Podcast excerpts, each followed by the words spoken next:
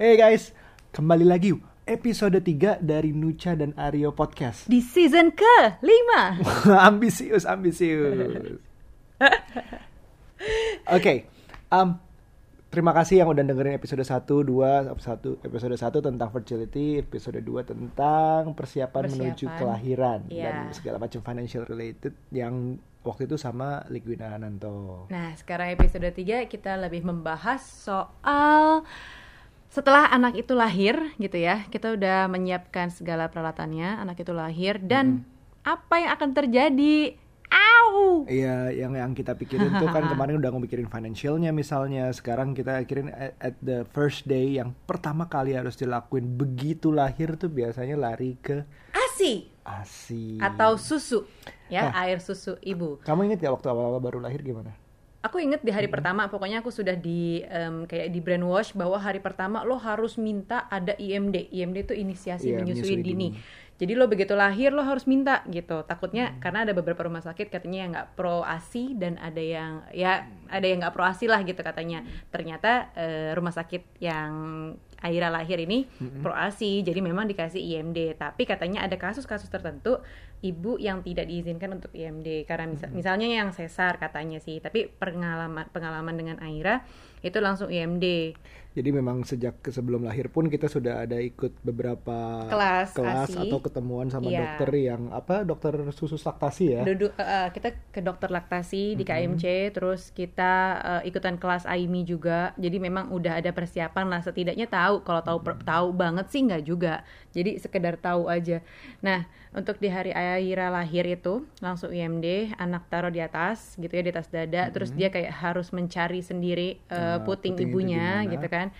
Nah, kalau zaman dulu dibilangnya eh, bayi yang udah bisa ngangkat kepala itu hebat banget, bayi ajaib. Ternyata zaman sekarang ya memang semua bayi kayak gitu, gitu. Iya, jadi jadi, Jadi memang- em, ada beberapa hal yang dikhawatirkan kalau bayi lahir tuh sebenarnya rapuh banget. In a way ada benernya, tapi kalau yang dari pengalaman kita bahkan kita dikasih tahu dokter bayi itu amit-amit ya kalau sampai nggak dikasih makan 48 jam pun di awal masih survive. Karena ada sisa sisa makanan dari perut ibunya katanya. Betul. Terus kedua di saat bayi lahir tuh diangkat terbalik itu masih nggak apa-apa. Bahkan digendong secara berdiri itu nggak apa-apa. Nah di saat Aira lahir itu ada nama eh, kan saat lahir sorry saat lahir ada yang di langsung dipisah bayinya langsung dibersihkan dulu baru dikasih ke ibunya. Tapi Enggak, sekarang IMD kan sekarang kan zaman sekarang yang namanya udah IMD itu lebih maju dengan katanya sih dengan langsung ditaruh di dadanya dalam keadaan kotor pun berdarah gitu. Heeh, nah, terus itu sebenarnya untuk memancing eh, si anak ini bisa bergerak mendekati eh, puting ibunya, insting untuk hidup katanya gitu kan, untuk mencari makanan. Nah, udah selesai dari situ, baru anak itu dipisahkan, dicuci, kalau nggak salah dibersihkan dan lain-lain. Ibu balik ke kamar, anak diukur dan lain-lain, observasi sekitar berapa jam gitu katanya.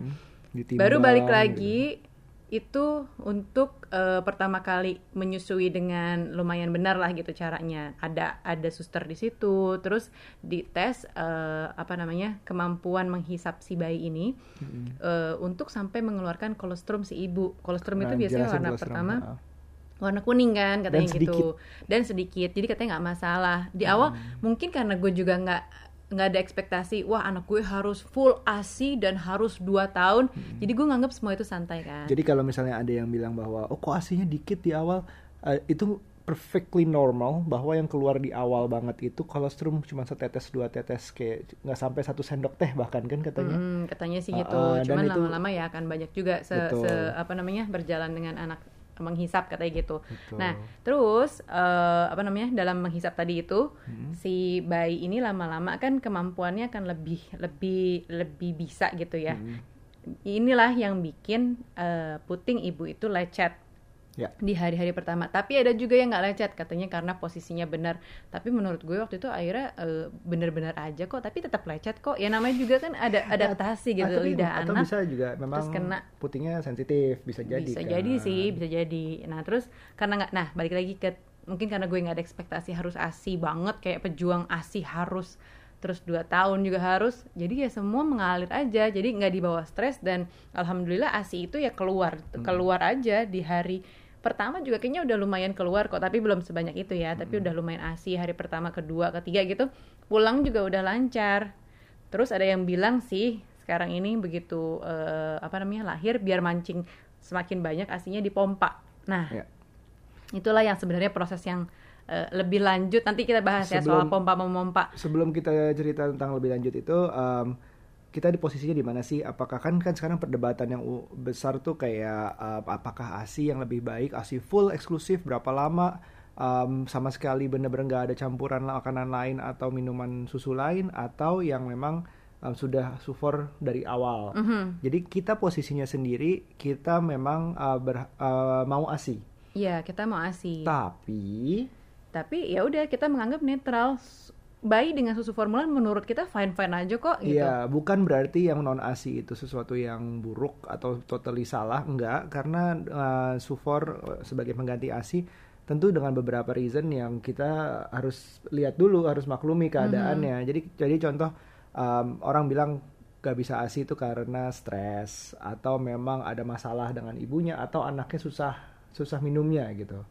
Jadi sebenarnya uh, pengalaman kita juga nggak semulus itu dengan ASI natural memang enak pada uh, overall tapi nggak kalau dibilang pro ASI yang seperti um, dua tahun akhirnya nanti di ujung cerita juga kita nggak nggak dua tahun eksklusif. Ya. Terus Dan nggak kita- yang segitunya kok. Maksudnya eh, kalau gue pribadi sih memandang misalnya anak-anaknya teman gue atau ponakan-ponakan nggak ASI, ya nggak apa-apa gitu. Gue nggak akan nanya kenapa kok nggak ASI. Nggak lah, ngapain Nggak gitu. apa-apa, nggak apa-apa. Karena itu adalah hal-hal yang sebenarnya kita nggak tahu loh itu struggle si ibu tuh gimana untuk sampai dia dia setiap ibu pasti berusaha untuk kasih asi yang pertama gitu kan secara nat- nature-nya udah begitu. Tapi kalau memang akhirnya nggak keluar dan misalnya sedikit tidak sesuai kapasitas terus harus dialihkan ke susu formula iya nggak apa-apa Nggak gitu nggak karena kita sendiri juga ngelihat ya teman-teman yang anaknya memang dari su- pakai susu formula gitu enggak kok fine aja walaupun Masih ada stigma aja. yang katanya anak non asi Gampang itu gampang sakit. sakit Mm-mm. enggak kok gitu anak Enggak. teman kita fine fine aja justru misalnya nih Aira anak asi Sakit sakit dulu. ya sakit aja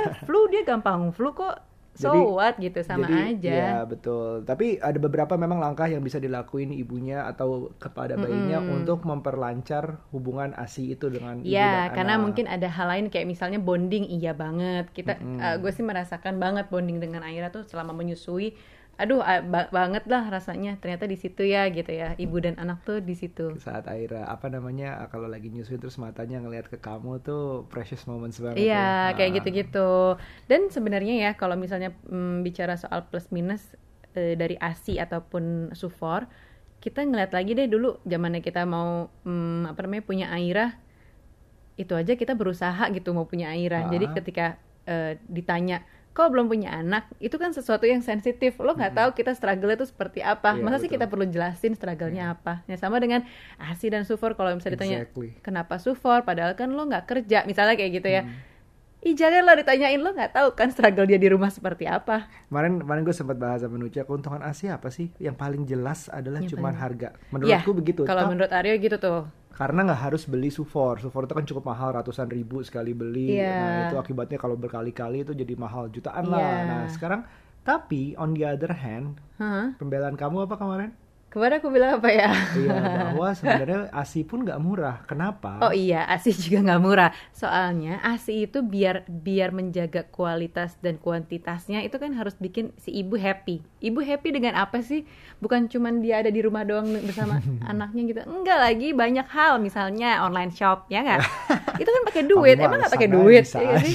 Terus pengen tiba-tiba aku pengen liburan Enggak, gitu. Dasarnya adalah makanan ibunya Oh juga dan harus sehat. dan ya betul dasar makanannya juga harus sehat. Nah harus sehat itu kadang kan kita pengen jajan ya jajan bukan Steak. jajan yang jangan dipikir yang jajan gimana gimana ya ini jajan kayak misalnya pengen deh beli eh, susu almond yang di ini gitu di satu restoran yang ini nih. Aku aja waktu itu kayak gitu kan. Hmm, Iya. Aku tahu biar susu aku banyak, biar biar asinya banyak, aku harus eh, minum susu almond. Akhirnya aku pesan itu lumayan loh 100 ribuan gitu untuk Iya. untuk apa 500 mili. Salah gitu. Terus pesan eh, makan daging yang banyak. Makannya apa? Steak. Steak kan biar memproduksi asi lebih banyak lagi. Iya, iya. Ya makanya mahal juga gitu. Walaupun memang bisa daging rendang, daging apa ya bisa. Tapi kan ada aja Iya, biar ibu betul. happy kan. Betul, betul. Ibu Terus, happy itu tergantung ah, ah. ibunya seperti apa juga. Iya sih, benar, benar, kamu mahal kayak. Jangan disamakan ya ibu-ibu mahal jadinya. Jadi em, oke balik lagi kembali kita ngomongin tentang misalnya kalau mis- em, ada masalah dengan keluarnya ASI itu dari pihak ibunya misalnya. Mm-mm. Eh sorry, mau mulai dari mana dulu? Pihak ibunya apa pihak anaknya? Karena karena ASI itu dua two way conversation menurutku. Iya. Ibunya harus ngaruh ah, harus happy lah macam-macam. Ah. Anaknya juga ada harus yang ngelakuin juga gitu. Yap. Nah, contoh kalau kita mulai dari anaknya, Mm-mm. ada yang uh, di dokter ada yang istilahnya tongue tie sama lip tie. Nah, ini pengalaman dengan Aira di umur tujuh Berapa ya? hari. Eh, Tujuh, eh, iya benar benar benar 10, benar. eh, ya pokoknya masih harian lah. Kayak masih lima hari terus kita cek ya ke Iya, dokter iya, kalau iya. nggak salah gitu deh. Ya kita cek terus memang karena mm, gue ada pengalaman temen itu di insisi anaknya, terus jadi gue udah tahu ceritaannya. Yaudah deh kita datang ke rumah sakit itu dicek bener nggak sih tongue tie dan lip tie Nah, itu. backgroundnya uh, untuk yang belum pernah ngalamin ini, tongue tie, lip tie itu ada selaput yang mengikat. Kalau tongue tie itu mengikat lidah, jadi lidahnya nggak bisa maju ke depan banget atau atas untuk banget. menyusu dengan baik gitu ya, lidahnya yang Betul. gitu kan. Aduh, itu kalau dua suara doang kayaknya dengernya. Sedangkan kalau lip tie itu bibir atas juga ada selaput di tengahnya. Ah. Nah, un- itu mencegah bayi nggak bisa latch on istilahnya, yaitu menangkap puting sepenuhnya. Bahkan yang Ah. ditangkap itu harusnya bukan putingnya tapi aerol Aerola. aerolanya, Ya. which is garis lingkaran sekitarnya itu. Itu semua udah dicakup. Iya. Kalau ada tie lip tie dia nggak nyampe. Ah. Nah, yang harus dilakukan adalah istilahnya namanya katanya nih insisi.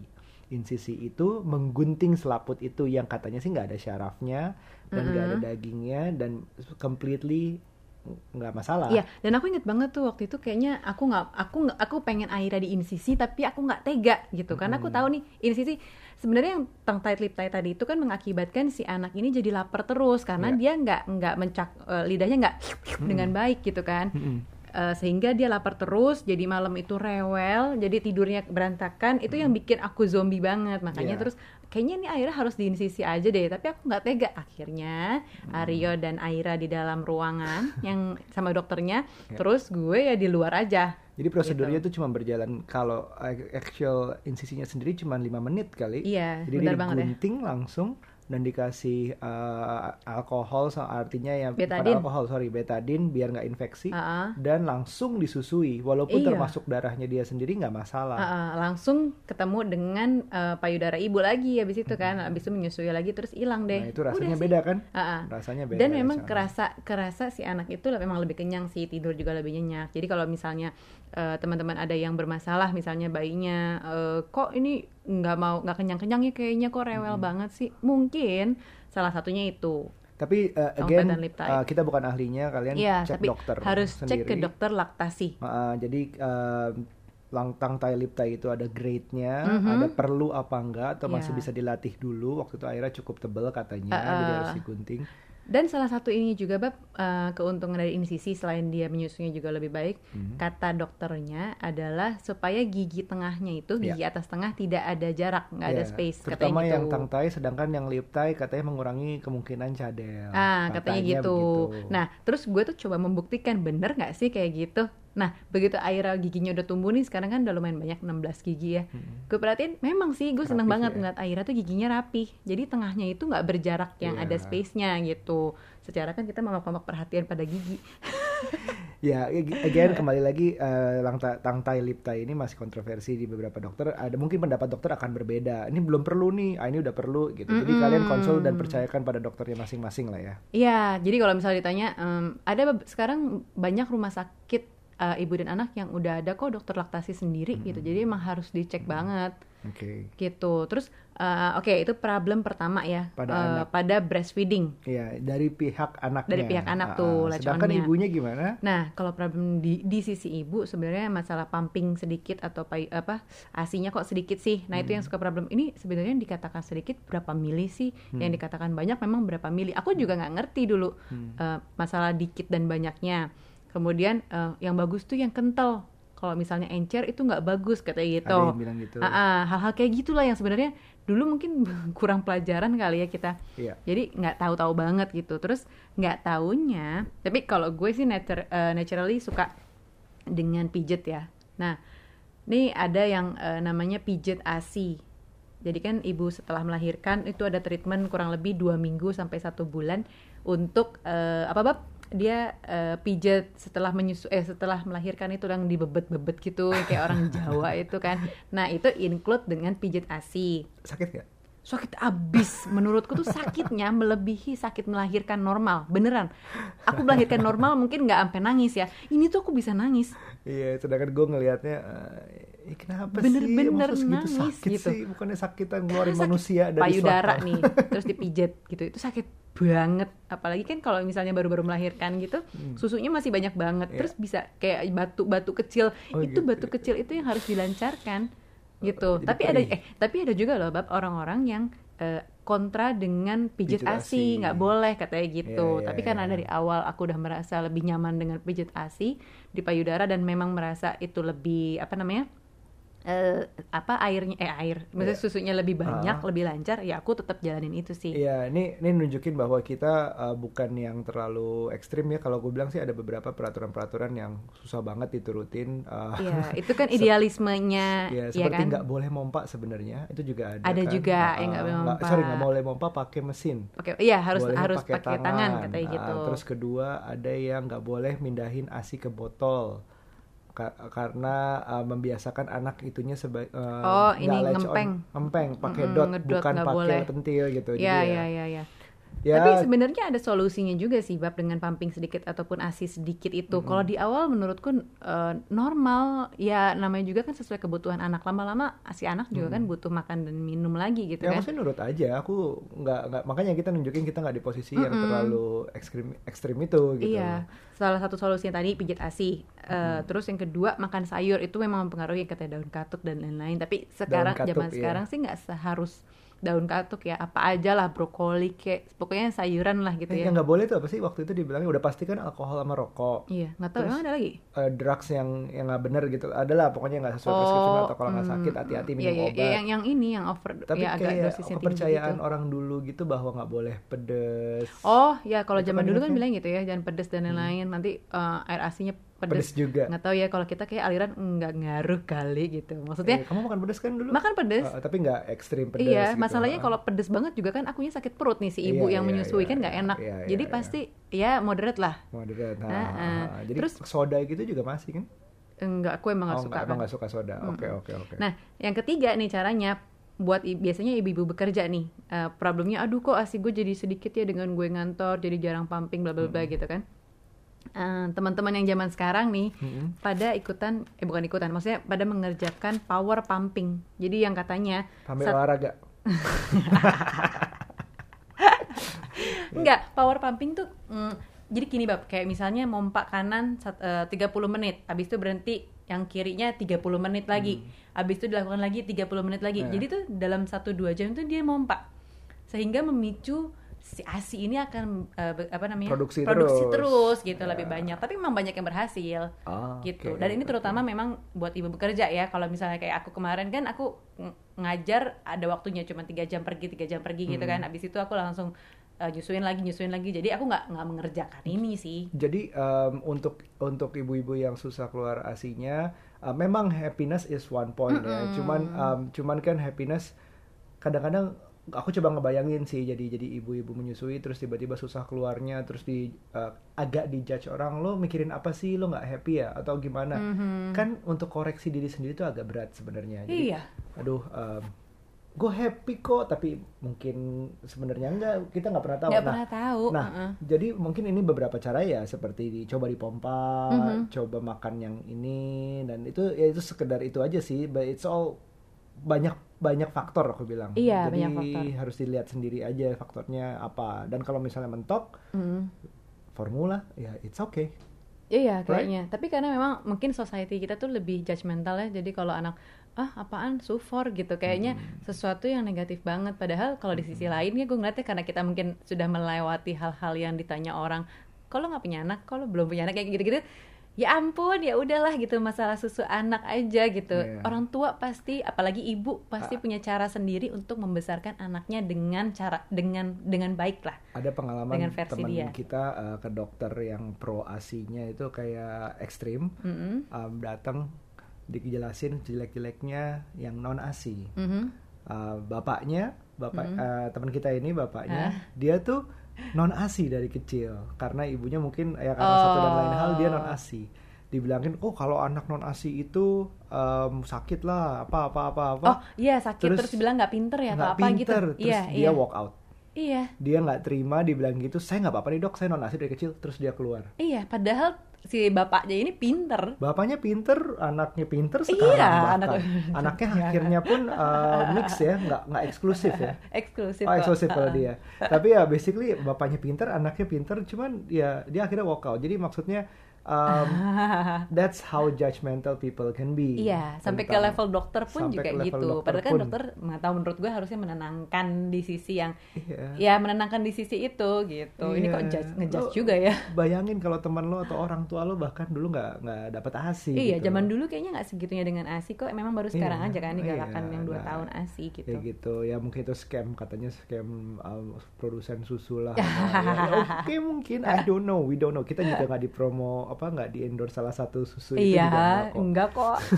nah, ini nih ada lagi kalau problem dari sisi si ibu Mm-mm. ya selain tadi masalah em, apa namanya ASI atau pumpingnya Mm. sedikit, Mm-mm. itu masalah dengan lecet, luka, terus payudara jamuran. Mm-mm. Ini Oke. yang bermasalah banget nih. Aku dari awal sama Aira udah lecet-lecet tuh, Mm-mm. ya kan. Terus dipakein krim, itu tetap aja sih. Ya mungkin lebih baik, tapi masih ada lecet-lecet. Habis itu Aira lebih pinter lagi nyusunya, ya kan. Ah, Sampai, tapi aku masih bolak-balik ke dokter laktasi loh, bab sampai Aira umur satu tahunan Iya, I lebih. know. Karena tiba-tiba ada yang dia lecet lah, tiba-tiba eh, apa ngegigit. Nah, aku tuh dikit-dikit kan kalau Iya. sakit, aduh payudaraku nih sakit. Aku ke dokter minta salep, padahal bisa dibeli di tempat biasa. Cuman kayaknya kalau yang racikan lebih cepet kering Iya. gitu. Sampai sensitif banget pokoknya payudaraku tuh kalau kesenggol gitu kayak kesel banget lo nggak tahu ya rasanya ini tuh sakit gitu kan. Terus setiap kali kamu nyusuin harus harus ngegrauk tanganku untuk nahan sakit iya, gitu. nah itu tuh terakhir ini kan Mbak begitu Aira udah Ah, lumayan enggak, besar. yang dari sebelumnya Oh iya ya, kamu kayaknya aku juga. lumayan. Aira sejak tumbuh gigi, wah lebih gahar lagi sih dia. Iya, Digigit memang. dan aduh bikin lecet deh pokoknya. Sakit banget. Terus juga dia pernah dia ngalamin bingung puting ya. Oh iya, Aira Bingung puting tuh tuh apa? pernah Jelaskan. mengalami bingung puting. Kalau bahasa Inggrisnya ini nursing strike.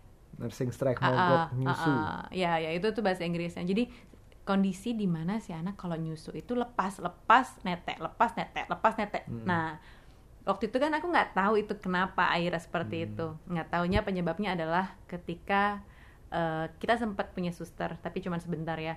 Jadi ada kebiasaan setiap pagi setelah kita bangun pagi, aku titipin Aira itu di suster biar aku tidur dulu sebentar Karena kamu udah kebangun terus. Ya, karena aku mau istirahat, akhirnya aku pakein botol gitu. Padahal itu cuma di jam pagi tok nyusunya begitu aku bangun balik lagi lah rutinitas nyusu nyusu langsung gitu kan. Ya ampun, abis itu kok emang dia dikit-dikit lepas, dikit-dikit lepas kayak gitu kan Hmm. bikin panik ya ini orang, eh ini, ini orang. Ini tuh airnya udah kenyang apa belum sih gitu. Iya. Tapi jadinya kayak nggak berhenti gitu, pengen nyusu tapi udahan nyusu udahan. Berarti kan dia nggak Iya. kenyang-kenyang Jadi gitu. ya bingung puting ya bingung puting pada artinya itu. Iya, Nah, bingung yang, gitu. Yang dia harus dilakukan adalah apa? Skin to skin.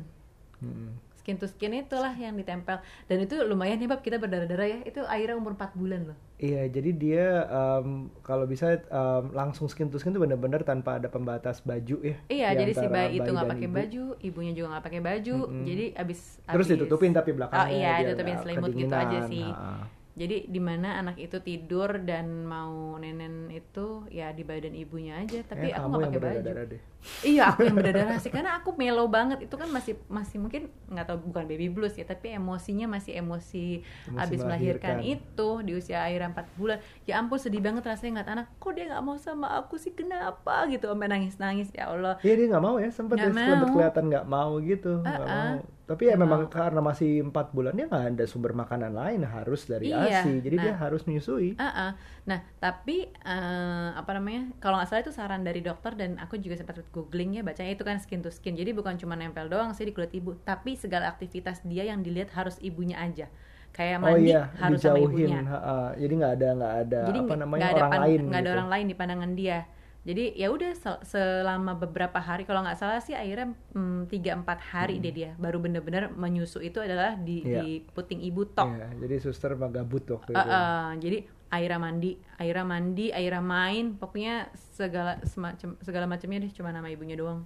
Iya itu um, skin to skin tuh it's extremely helpful dalam beberapa kondisi sih selain selain bingung puting kalau Hmm. Anak sakit demam, ya. uh, sumeng atau sakit. demam tuh di peluk tuh tuh membantu sih untuk daripada minum panas. sebelum minum obat kalau belum harus Ah, ah. gitu. Itu tuh benar-benar eh, eh, strugglingnya kita pada saat itu iya banget sih. Aku merasakan kenapa ya kalau sekarang sih dipikir-pikir ya ampun kenapa gue hampir nangis gitu ya.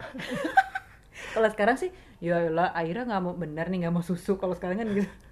Terus uh, ibu uh, begitu ada ada beberapa tadi Ha-ha. anak juga ada yang harus lakuin bapaknya juga ke- ketiban kasihan loh bu. Kenapa? Oh kamu kamu kenapa? Ada efek ya? Um, you know, something change in our um, um, sex life.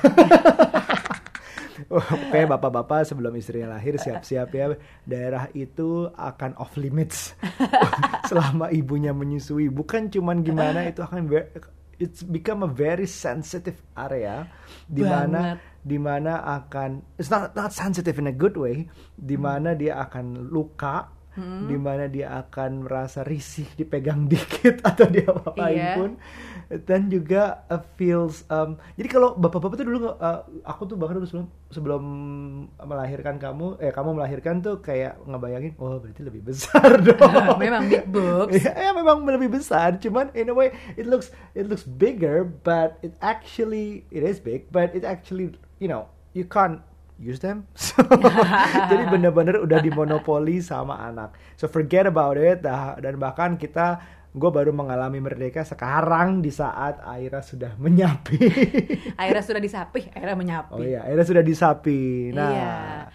Air, uh, Nucha sudah menulis uh, pengalaman menyapinya di blognya Ada kemarin. di blog, Nah, mm-mm. tapi kita mau cerita juga sebenarnya gimana? Mungkin ada yang lebih senang mendengarkan.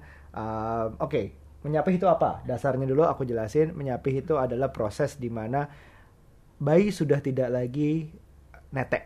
Ya, Jadi uh, basically berubah entah itu jadi sufor atau sudah full empasi, entah itu sudah melewati waktu ASI eksklusifnya. Nah itu sa- sapi dan sapi itu uh, jangan dikira untuk yang belum itu semudah itu karena mengubah kebiasaan yang biasanya dari ibunya langsung harus pindah ke bukan ibunya. Pengalaman kamu gimana? bukan ibunya. Eh maksudnya bukan ibunya bukan orang Gimana sih? lain, enggak, langsung dari botol atau makanan full gitu. Oh. Pengalaman kamu gimana? Kalau pengalaman dengan Aira, em, itu sebenarnya lima, Aira berumur 15 bulan, kita sudah mencoba menyapih. Karena alasan eh, payudara luka sampai berdarah Sebulan. gitu ya. Berdarah tuh sampai keluar gumpalan. Itu tuh bikin trauma banget. Hmm. Asli Aira nyusu, terus tiba-tiba kok Aira di mulutnya ada darah sih? Terus pas aku lihat gitu kan, payudaraku "Hah, apa berdarah terus keluar gumpalan. Oh my god, itu kayak ngeliat apa ya? Oh, ini kenapa kayak gini? Habis itu aku kayak gak mau lagi nyusuin tuh gak trauma.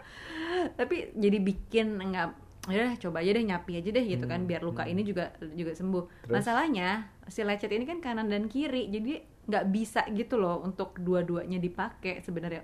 Kasih aku waktu dong, give me a break Tapi satu hari aja sih? gitu Karena airnya gigit. karena waktu itu kayaknya karena airnya gigit. Ha-ha. Kalau sekarang ke sini sini ada kemungkinan karena mm, pro- apa produksi asik udah nggak terlalu banyak, sementara Oh, dia- demandnya dia masih mau. Dia usahanya Jadi kuat dia masih banget, usaha gitu. Usahanya gitu. bahkan makin keras Ah, gitu ya. Nah semakin usaha itulah, tapi dan nggak misalnya keluarnya nggak sesuai ekspektasi di gigi- di mulut dia, Mm-mm. jadilah dia menggigit gitu kan. Secara nggak langsung jadi lecet. Deng- Mungkin nggak dengan sengaja dia Iya, gigit iya. sih, gitu. Nah di umur 15 yang 15 bulan waktu itu eh bikin trauma ya udah disapi aja. Hari pertama Aira nangis meraung-raung kalau tidur malam. Nggak mungkin nggak biasa kan dia Nggak tidur biasa. malam tanpa nenen. Iya. harus nenen banget. Kalau siang dia masih oke lah. Mm. Eh, tidur nggak harus nenen gitu kan. Kalau malam iya jadinya eh, itu salahku juga sih bab aku kabur gitu kan. Maksudnya tidur di bawah Aira tidur sama kamu. Dia nggak biasa sih nggak tahu ya. Tapi Ya, makanya terus- meraung-raung yang bikin gue juga stres sih dengernya bab. Iya. Aduh aku nggak tega sebenarnya. Ya. Nah hari kedua pun terjadi seperti itu makin nggak tega sebenarnya itu ini gue tuh nggak mau nyapih kalau ini eh, nggak sakit sebenarnya Iya. gitu kan. Ya udahlah karena mungkin aku juga nggak mantep akhirnya gatot. Ya udah asi lagi ya udah mendingan deh yang penting as- eh, apa payudaraku udah udah better gitu nggak nggak luka Hmm. lagi. Jadi mulailah asi lagi sampai akhirnya Aira umur mau 20 bulan ini kejadian lagi luka dan berdarah-darah lagi. Kayaknya udah kayak tiga kalian, Sama lagi, empat ya. kali gitu ha, ha, Aira sampai berdarah. Jadi kayaknya nggak tahu deh di hatiku mungkin eh, ini waktunya gitu untuk Iya. udah kali atau mungkin aku juga feeling mungkin asinya udah nggak terlalu banyak sesuai demand dia mungkin Dan gitu. akhirnya kita ngelakuinnya juga agak proses yang berbeda dari yang pertama. Yang pertama tuh kayak ditinggal biar ibunya dipaksa seolah-olah nggak nggak ada ibunya, udah nggak ada, kamu nggak nggak ada bisa, pilihan kamu nggak gitu bisa. kan. Jadi jadi tapi yang kedua ini setelah diomongin berhari-hari sebelumnya bahwa nah lebih prepare lebih prepare Iya, nah kamu mau disapih ya, kamu nggak diminum dari ibu lagi ya. Itu pokoknya kita bisikin. Iya, jadi mm, ada kan namanya kalau nggak salah hipnoterapi gitu ya. Ah. Jadi mengulang kata-kata atau kalimat itu eh, apa namanya sehingga si anak itu bisa mengerti Iya. gitu loh. Jadi misalnya udah dari jauh-jauh hari sih aku bilang "Eh, Aira nanti kalau udah besar udah nggak nenek ibu lagi ya. Iya. Kayak gitu-gitu Terus kata-kata seperti bobok sendiri Eh, ya. Aira bawa sendiri aja ya, bapak ibu ada di sini. Sudah Aira, besar. Mm, Itu Aira diulangin terus ya? besar. Iya diulang-ulang aja terus mm, selama berapa lama waktu itu ya? Kayak berbulan-bulan sih. Iya. Sejak yang percobaan nyapi pertama di 15 bulan itu kayaknya lumayan sering aku omongin. Sampai kemarin kejadian akhirnya disapih juga ya memang mm, itu agak mendadak sih spontan aja. Iya, apalagi uh, sebenarnya sebenarnya it could have done bet- uh, kalau misalnya kita planning benar mungkin nggak di saat gua harus traveling ke luar negeri empat malam ya. Itu adalah traveling terlama gue uh, jauh dari Aira sejak Aira lahir. Dan nggak emang karena sudah sakit banget ibunya timingnya udah cocok banget udah terpaksa untuk sapi which is turns out to be quite okay reasonably okay Iya. jadi di antara lima malam ya, malam pertama aku masih ada di Jakarta. Aira tuh bisa surprisingly tidur um, tanpa, Tanpa asi nenen. dan begitu bangun tengah malam dikasih susu dari botol udah bisa tidur lagi. Iya, akhirnya susu UHT, Hmm. pakai susu UHT dia terus oke tidur lagi sih mau. Malam kedua aku udah Kaget nggak juga ada. ya. Heeh. Oh, tapi aku ada cheat. Oh ya, ada Iya. cheat nih. Ini, ini ada cheat yang dibilang bahwa uh, jangan pakai ini. um, ya orang dulu ada yang pakai itu, tapi orang sekarang ada yang bilang ini Enggak bukan. gini-gini. Eh, Kalau zaman gimana? sekarang, kalau zaman sekarang gini. Kalau ya orang tua zaman dulu itu kan mencoba menyapi dengan cara kasih broto wali, kasih balsem, kasih apa, pokoknya di payudara ibunya tuh di, dibikin ah, dibikin serem-serem gitu biar si anak berhenti nyusuk gitu kan. Nah, di zaman sekarang udah ada apa namanya? Menyapi dengan eh, menyapi dengan cinta atau Cinta. WWL winning with love itu dibikin anaknya eh, apa namanya dengan sendirinya tidak menyusuk dengan sendirinya tidak nenen maksudnya gitu Eh, dengan cara misalnya salah satu yang hipnoterapi tadi dibilang Iya. udah gede ya kamu udah gede ya udah nggak nenen lagi kayak gitu itu Ah. memang sudah coba dijalankan tapi biar mempercepat ya makanya kita pakai lipstick dicoret-coret merah gitu iya kayak dicoret-coret seolah-olah merah. darah Memang aku apa. bilang kan selalu bilang ke Aira, Aira eh, tete ibu sakit nih, tete ibu sakit nih, kayak gitu terus kan. Aira ngerti sih kayaknya. Tapi itu cuma malam pertama ya? Apa kedua? Iya gitu? malam pertama aku, malam pertama aku pakai eh, lipstick terus ng- nangis dia lihat tete ibunya itu Hmm. ada darah ada kayak merah-merah gitu. Tapi di sisi lain bagus juga sih, oh cepet tapi nggak yang segitu nangisnya kayak Iya, iya. dulu kan dia. Beda dia banget, beda banget proses Karena pertama makin sama gede kedua. emosinya juga mungkin agak Lebih bisa dikontrol. Ah, ah. Malam kedua kamu Aryo udah nggak ada nih, Hmm. makanya kita tidur sama Mbak. Iya, Memang paling penting juga sih ketika menyapi itu ada bantuan orang ketiga. Iya, Jadi kalau cuma ibu dan anak doang kayaknya agak berat menurutku. iya. Karena harus ada yang handle lagi, coba menenangkan gitu kan. Namanya juga emosi anak yang baru disapih yang biasanya dia nyaman dengan tete tiba-tiba kenyamanannya itu nggak ada, itu kan bikin stres buat dia. Si Mbak tidur bareng sama kita eh, dan aku masih jaga-jaga sih pakai lipstick kalau dia pegang atau dia inget dia minta buka gitu Hmm. kan dia tahu gitu itu itu nggak boleh itu sakit Iya. gitu Jadi malam kedua, ketiga, it was it was magical, it was okay ya. Oke, Kebangun tapi karena- nggak sampai Iya, histeris nggak nangis. histeris nangis, cuma minta susu terus tidur lagi. Bahkan ada yang di malam ketiga tuh dia udah bisa sleep through the night. Iya, itu Itu amazing sampai sih. pagi. Itu belum pernah bahkan sebelumnya sleep, Mm-mm. sleep through the night sampai jam berapa? 5 6 pagi ya. Iya, pagi. Terus em, sampai Malam di- keempat, Mm-mm. malam terakhir aku di sana. malam terakhir eh, bapaknya nggak ada itu Aira nangis kejer ya ampun 45 menit. Cuman nangis dari jam setengah tiga pagi sampai jam 3 lewat gitu dia nangis. Terus bapak bapak bapak gitu. Jadi kayaknya ada emosi dia yang ngerasa aduh nih kenyamanan gue di tete ibu nggak ada terus bapak juga nggak ada gitu. Kayaknya dia Iya. ngerasa sedih banget. Itu lumayan lama dan ternyata gue nggak dihubungin di sana cuman um, ternyata gue bangun nonton aja nonton nonton Netflix di sana terus jadi kayak ada koneksi gitu ke gue kepikiran eh dia kepikirannya lebih lagi sampai nangis. So but after that after that Mhm. uh, itu yang berat dialamin kita uh, dialamin Uca sih sebenarnya karena gue nggak ada. Um, di saat nangis seperti itu. Sekarang completely Aira udah nggak pernah nyariin lagi Mm-mm, asinya tapi dia udah megang-megang yang im, tete tete gitu kan Iya. megang-megang sih tapi dia nggak minta buka. Tapi tapi, cuma selalu nunjuk doang kan iya ya. nunjuk Ah. pegang-pegang gitu.